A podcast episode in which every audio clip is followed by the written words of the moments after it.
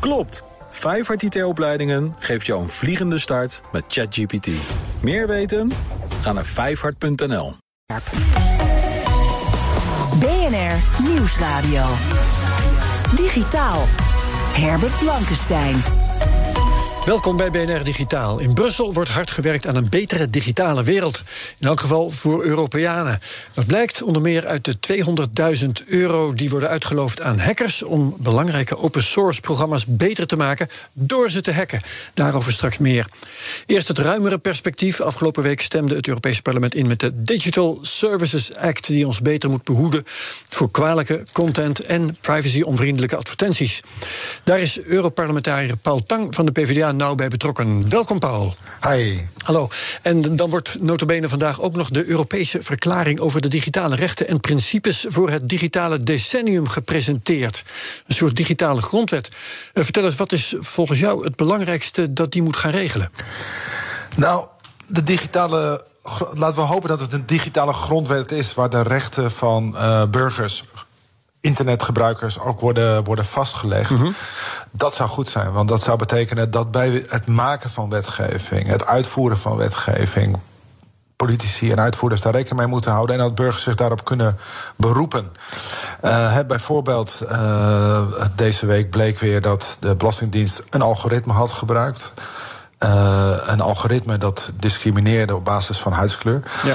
De gebruikers, de, de, de, de, de, burgers wisten niet dat er een algoritme aan het werk was. En uh, dat moet veel duidelijker. En zo'n grondwet biedt de mogelijkheid uh, om, die, om die rechten ook goed te borgen. Uh, want discriminatie was al niet toegestaan. Maar het was heel onduidelijk dat een algoritme gebruikt werd. En ja, daarover en moet, uh, moet, moet transparant zijn. De, de, eigenlijk mag het algoritme niet op zichzelf beslissen. Er moet altijd een mogelijkheid van uh, uh, menselijke interventie zijn. Ja, en nou komt er dus nieuwe digitale regelgeving. Uh, die Digital Services Act, die is daar een onderdeel van. Um, is dit een, een kwestie van het beperken van de macht van big tech? Nou, er zijn twee zusterwetten. In de Digital Market Act heeft het Europees Parlement ja. december positie ingenomen. En de Digital Services Act in deze maand. Dus de Services Act en de Market Act. De Services Act is eigenlijk gericht op, het, op de veiligheid van het online verkeer. Terwijl de Digital Market Act zich echt richt op het inperken van de macht van de grootste bedrijven, de big tech. Ja, en uh, die DSA, Digital Services Act, die formuleert beleid over de strijd tegen desinformatie, illegale content, foute producten. Uh, die moeten sneller offline gehaald kunnen worden. Um, en daarbij is samenwerking nodig, begrijp ik, tussen opsporingsautoriteiten en factcheckers. Bij wie komt die taak dan precies concreet te liggen om te bepalen wat desinformatie is, wat uh, foute producten zijn? Nou ja, er is nog wel een verschil tussen, tussen desinformatie en foute producten. Het gaat eigenlijk ja. waar het Europees Parlement zich over uitspreekt. En dat is ook wat ik wel verwacht in de uiteindelijke wetgeving. Uh, het gaat echt over illegale inhoud illegal -hmm. content. En uh, dan is er nog iets als harmful content. Maar daar kan, niet, daar kan niet direct op worden ingegrepen, want dat zou beperkt zijn van de vrijheid van meningsuiting.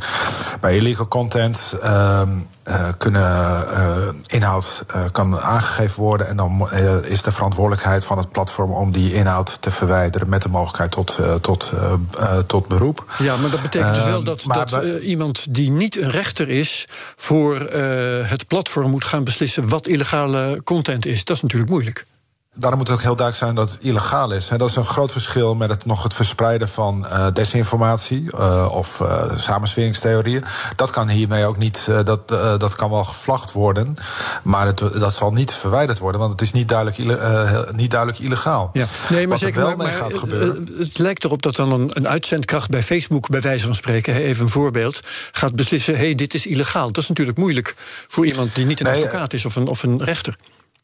Nou ja, daarom moet het ook duidelijk illegaal zijn. Ik moet even denken aan de reclames van. Uh, uh, voor, uh, voor een cryptocurrency, door, met, zonder mee te weten van Jort Kelder, maar wel door Jort Kelder. Zeg maar. Ja. dat is duidelijk. He, en daar is op een gegeven moment ook een uitspraak over. Dat, dat, is, niet, dat is niet wat, waar Jort Kelder mee heeft ingestemd. Dat is dus illegaal geworden. Daar moet een uitspraak op zijn. Op basis daarvan kan je handelen. Dus het blijft binnen het rechtssysteem. Ja. Uh, iets anders is, dan ga ik toch even over die harmful content. Daar bestaat natuurlijk veel zorg over. Dat gaat over desinformatie, samensfeertheorieën. Uh, daarvan komt wel een opdracht te liggen bij uh, de, gebruik, de, de, de, sorry, de, de aanbieders van diensten. Die algoritmes inzetten. Um, ze moeten duidelijk maken wat die algoritmen doen, wat voor effecten ze hebben. En ze hebben ook een verantwoordelijkheid uh, om die effecten te mitigeren. Ja. Bijvoorbeeld de vuurwerk challenge op TikTok, breed verspreid onder uh, kinderen en jongeren. Ja, dat wordt nu wel de verantwoordelijkheid van TikTok, want TikTok verspreidt dit. En op die manier wordt er wel uh, tegen, tegen fake news ja. opgetreden. Als, we als het duidelijk is dat dat schade toebrengt aan, aan de samenleving. Oké. Okay. Um, volgens de DSA moeten gebruikers ook inzicht gaan krijgen in de algoritmes die bij digitale platformen hun tijdlijn um, uitrekenen, bepalen. Uh, ja. Wie er heeft betaald voor bepaalde advertenties. Ja, um, maken gewone gebruikers zich daar eigenlijk zorgen over? Kan het ze überhaupt schelen? Denk je? Nou ja, mijn indruk is van wel dat uh, als de gebruikers de keuze krijgen van wilt u gevolgd worden op internet, mogen we al uw da persoonlijke data verzamelen, zeggen heel veel gebruikers nee. Mm -hmm. uh, dus dat is, uh, dat is een zorg. En dat is ook wat precies wat we proberen, proberen vast te leggen. Dat was nog een gevecht in het Europees Parlement. Dat, dat gebruikers echt een hele duidelijke keuze hebben. Dat als je nee zegt, ik wil niet gevolgd worden, dat je toch dezelfde kwaliteit diensten krijgt ja. aangeboden. Dus dat je niet gedwongen wordt. Maar de precieze inhoud van algoritme, de werking van algoritme, dat is wel even een ander kopje thee. Ja, daarom bij die algoritmes. Maar het is, dit is, is het een black box. Uh, en gebruikers kunnen dat ook niet beoordelen. Dus het eerste wat er gebeurt is om die black box minder duister te maken. Dus de, de, de, de aanbieder van diensten moet laten zien wat het algoritme. Uh, wat voor effect dat heeft. En uh, wat voor risico's dat heeft. En ook die risico's proberen te voorkomen waar mogelijk. Um, en dus uh, daarmee wordt, dat is wel de informatie, dat is misschien nog niet eens zo interessant voor de gebruiker per se, maar wel weer voor de toezichthouders daarop. Uh, en bij, de, bij de DSA is dat wordt, wordt, wordt een Digital Service Coordinator aangewezen. Dat zal in Nederland waarschijnlijk de autoriteit Consument en Markt zijn. Nou, die kunnen dat, die informatie wel degelijk gebruiken om bedrijven weer tot, uh, tot orde te roepen. Ja, en misschien entiteiten als de Consumentenbond of iets dergelijks. Of uh, nou ja, ja zeker. andere vertegenwoordigende zeker, organisaties. Dus inderdaad, NGO's, zeggen wij dan, non-governmental organizations, zullen hier zeker gebruik van maken om bedrijven meer achter de broek aan te zitten. He, nogmaals, even bij TikTok zijn natuurlijk al vele publicaties verschenen over wat het bedrijf eigenlijk allemaal toestaat, wat het eigenlijk niet zou moeten toestaan. Daar zijn we erg afhankelijk van onderzoeksjournalistiek. Ja. Uh, dat, moet, dat moet veel eenvoudiger kunnen. Ja, um, je noemde al die Digital Markets Act. Uh, we hebben het tot nu toe over die Digital Services Act. Uh, die Digital Markets Act is al langer geleden aangenomen. Wat is het verband tussen die twee? De, of de taakverdeling? Nou, dus de, de DSA bevat algemene regels voor het online verkeer. Vaak gericht op transparantie, terwijl de Digital Market Act is bijzondere regelgeving uh, voor de grootste bedrijven bevat, zodat ze bijvoorbeeld ze mogen zichzelf niet bevoordelen. He, dus vaak zie je dat deze bedrijven hebben uh, Hun eigen diensten aanprijzen. Ja. He, ze hebben een platform, maar dien, bieden ook diensten en producten aan op dat platform. Ja, dat leidt tot een vermenging van functies. Zij mogen niet doen aan self-preferencing, zichzelf bevoordelen. Nou, dat zijn de regels die, die echt toegesneden zijn op de grootste bedrijven. Ja. Um Intussen zijn er niet veel te veel wettelijke bepalingen, juridische mits en maren. Um, goed betaalde advocaten waar die techreuzen zich achter kunnen verschuilen. Die uh, hebben geld genoeg om uh, in zo'n wet altijd weer, toch weer mazen te vinden.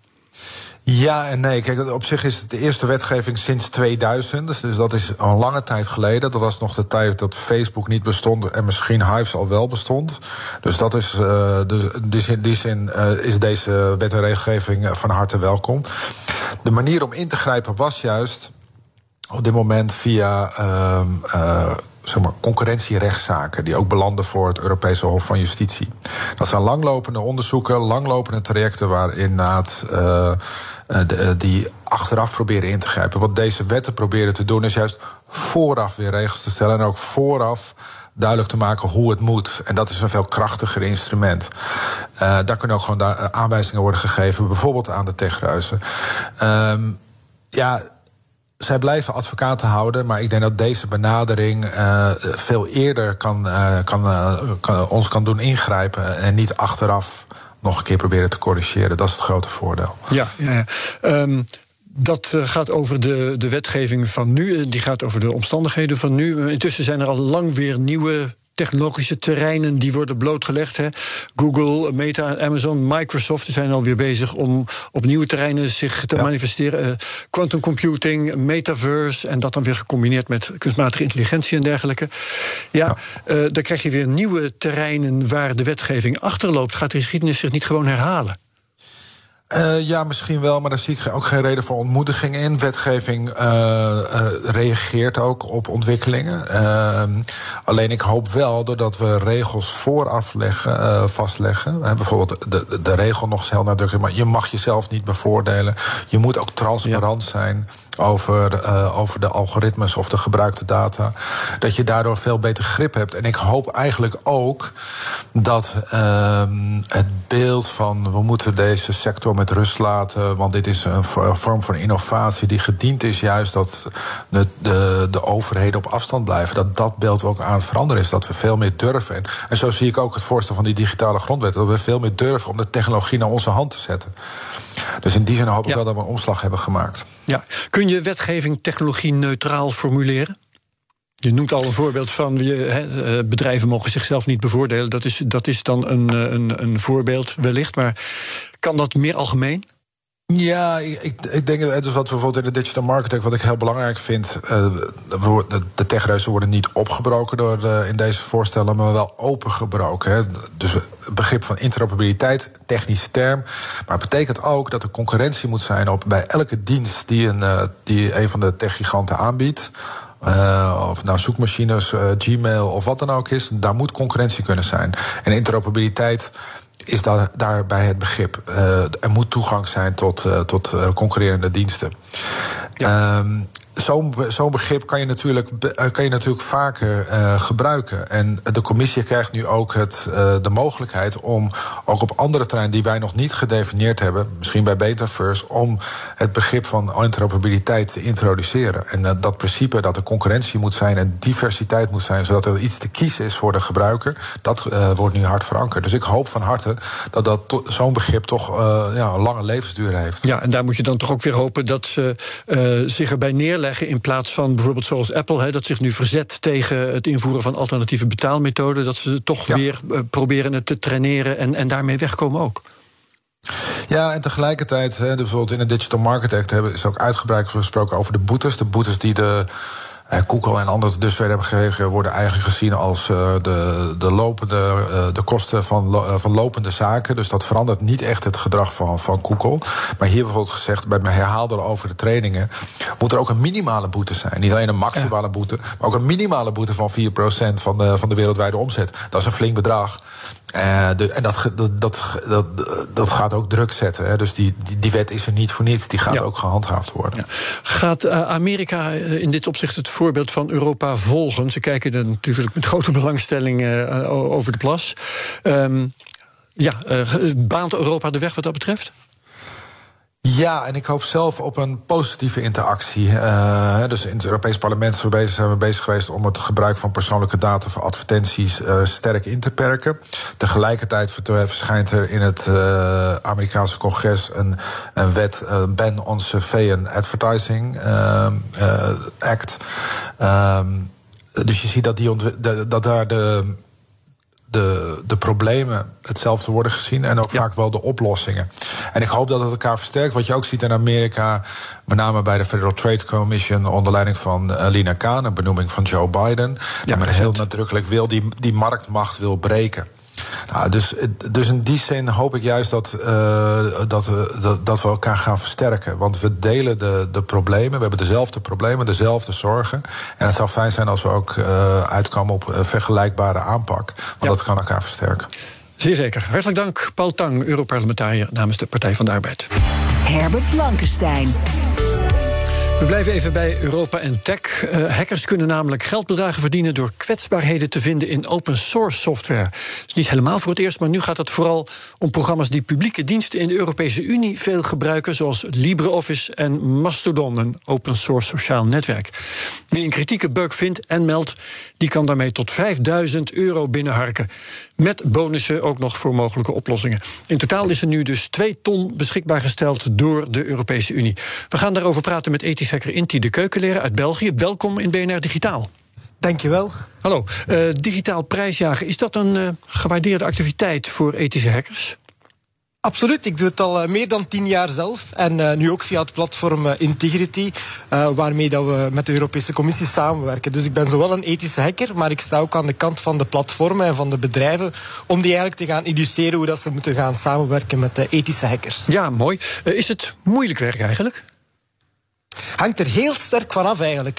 Wij zien soms kwetsbaarheden binnenkomen die je bij wijze van spreken op 10 minuten kan vinden. Als je een beetje geluk hebt, mm betalen we soms zelf 10.000 euro voor. Dus uh, soms is het heel, heel mooi verdiend op korte tijd. Ja. Maar er zijn andere mensen die, die soms maanden aan één lek, uh, op één lek zitten te kauwen. Dus het verschilt heel sterk. Ja, dus die 5000 euro voor één kwetsbaarheid, maximaal trouwens, hè, dat is de ene keer goed verdiend en de andere keer weinig. Zou dat dan eigenlijk niet anders moeten, dat je per uur wordt betaald of zo?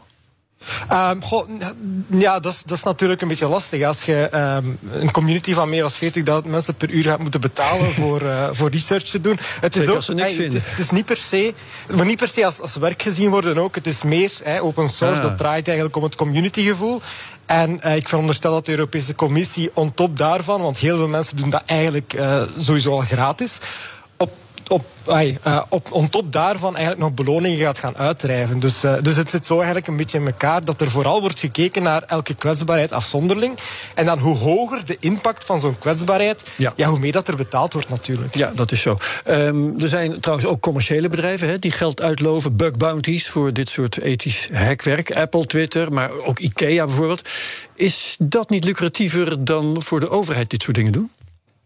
Goh, ja, in, in sommige gevallen wel. Uh, zoals ik zeg, ik doe het al meer dan tien jaar. En uh, heel ja. veel mensen die, die aan Bug Bounty beginnen, uh, die kunnen tot drie tot vier keer zoveel verdienen als, als een consultant. Maar je had het er straks al aan, je wordt natuurlijk niet betaald door, voor je tijd. Hè. Dus het kan ook even tegenzitten en dan kan je niks ermee verdienen. Ehm, maar we zien wel dat meer en meer mensen dit, dit fulltime gaan doen. Het leuke daaraan ja. is een beetje dat je zelf natuurlijk kiest wanneer en waar dat je werkt. Je hebt geen echte baas meer. Ja, want je kan je gevonden kwetsbaar ook verkopen aan een geheime dienst of zo. Hè? Dan, dat maar dat is misschien niet ethisch. Ben je geen ethisch hacker ja, meer? Ja, dat klopt. Dat klopt. En uiteindelijk, dat is ook een markt. Hè. Je kan daar als ja. hacker voor kiezen. Maar heel Nog veel lucratiever, denk ik. Goh, in sommige gevallen kan dat, ja. Uh, maar ik denk ook niet dat het ons doel moet zijn per se om die markt te gaan volgen. Hè. Anders is het een, uh, een kwestie van opbod en is het uh, een race to the top.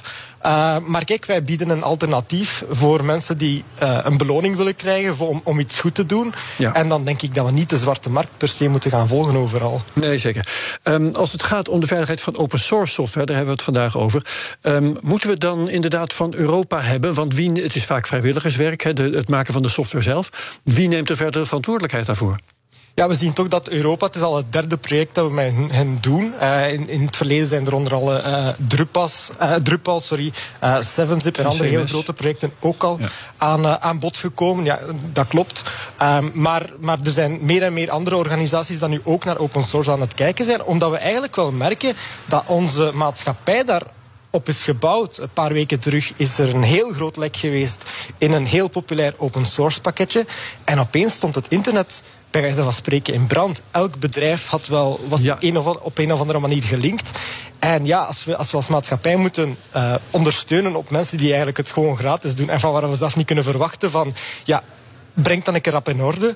Dan zitten als maatschappij wel een probleem. Dus daar moeten we zeker, zowel voor veiligheid, maar ook voor ontwikkeling, meer uh, geld en, uh, steun voor vrijmaken. Ja, um, de software die uh, op de premielijst van de Europese Commissie staat, daarvan is LibreOffice de bekendste. Ik noemde Mastodon ook al. Um, kun je nog meer voorbeelden geven van bekende software en, en trouwens ook van lekken daarin die zo zijn gevonden? Uh, Leos zit er onder andere bij. Dat is een uh, tool voor legislatoren. Uh, je hebt ook Odo, dat is een heel populaire open source CMS-systeem.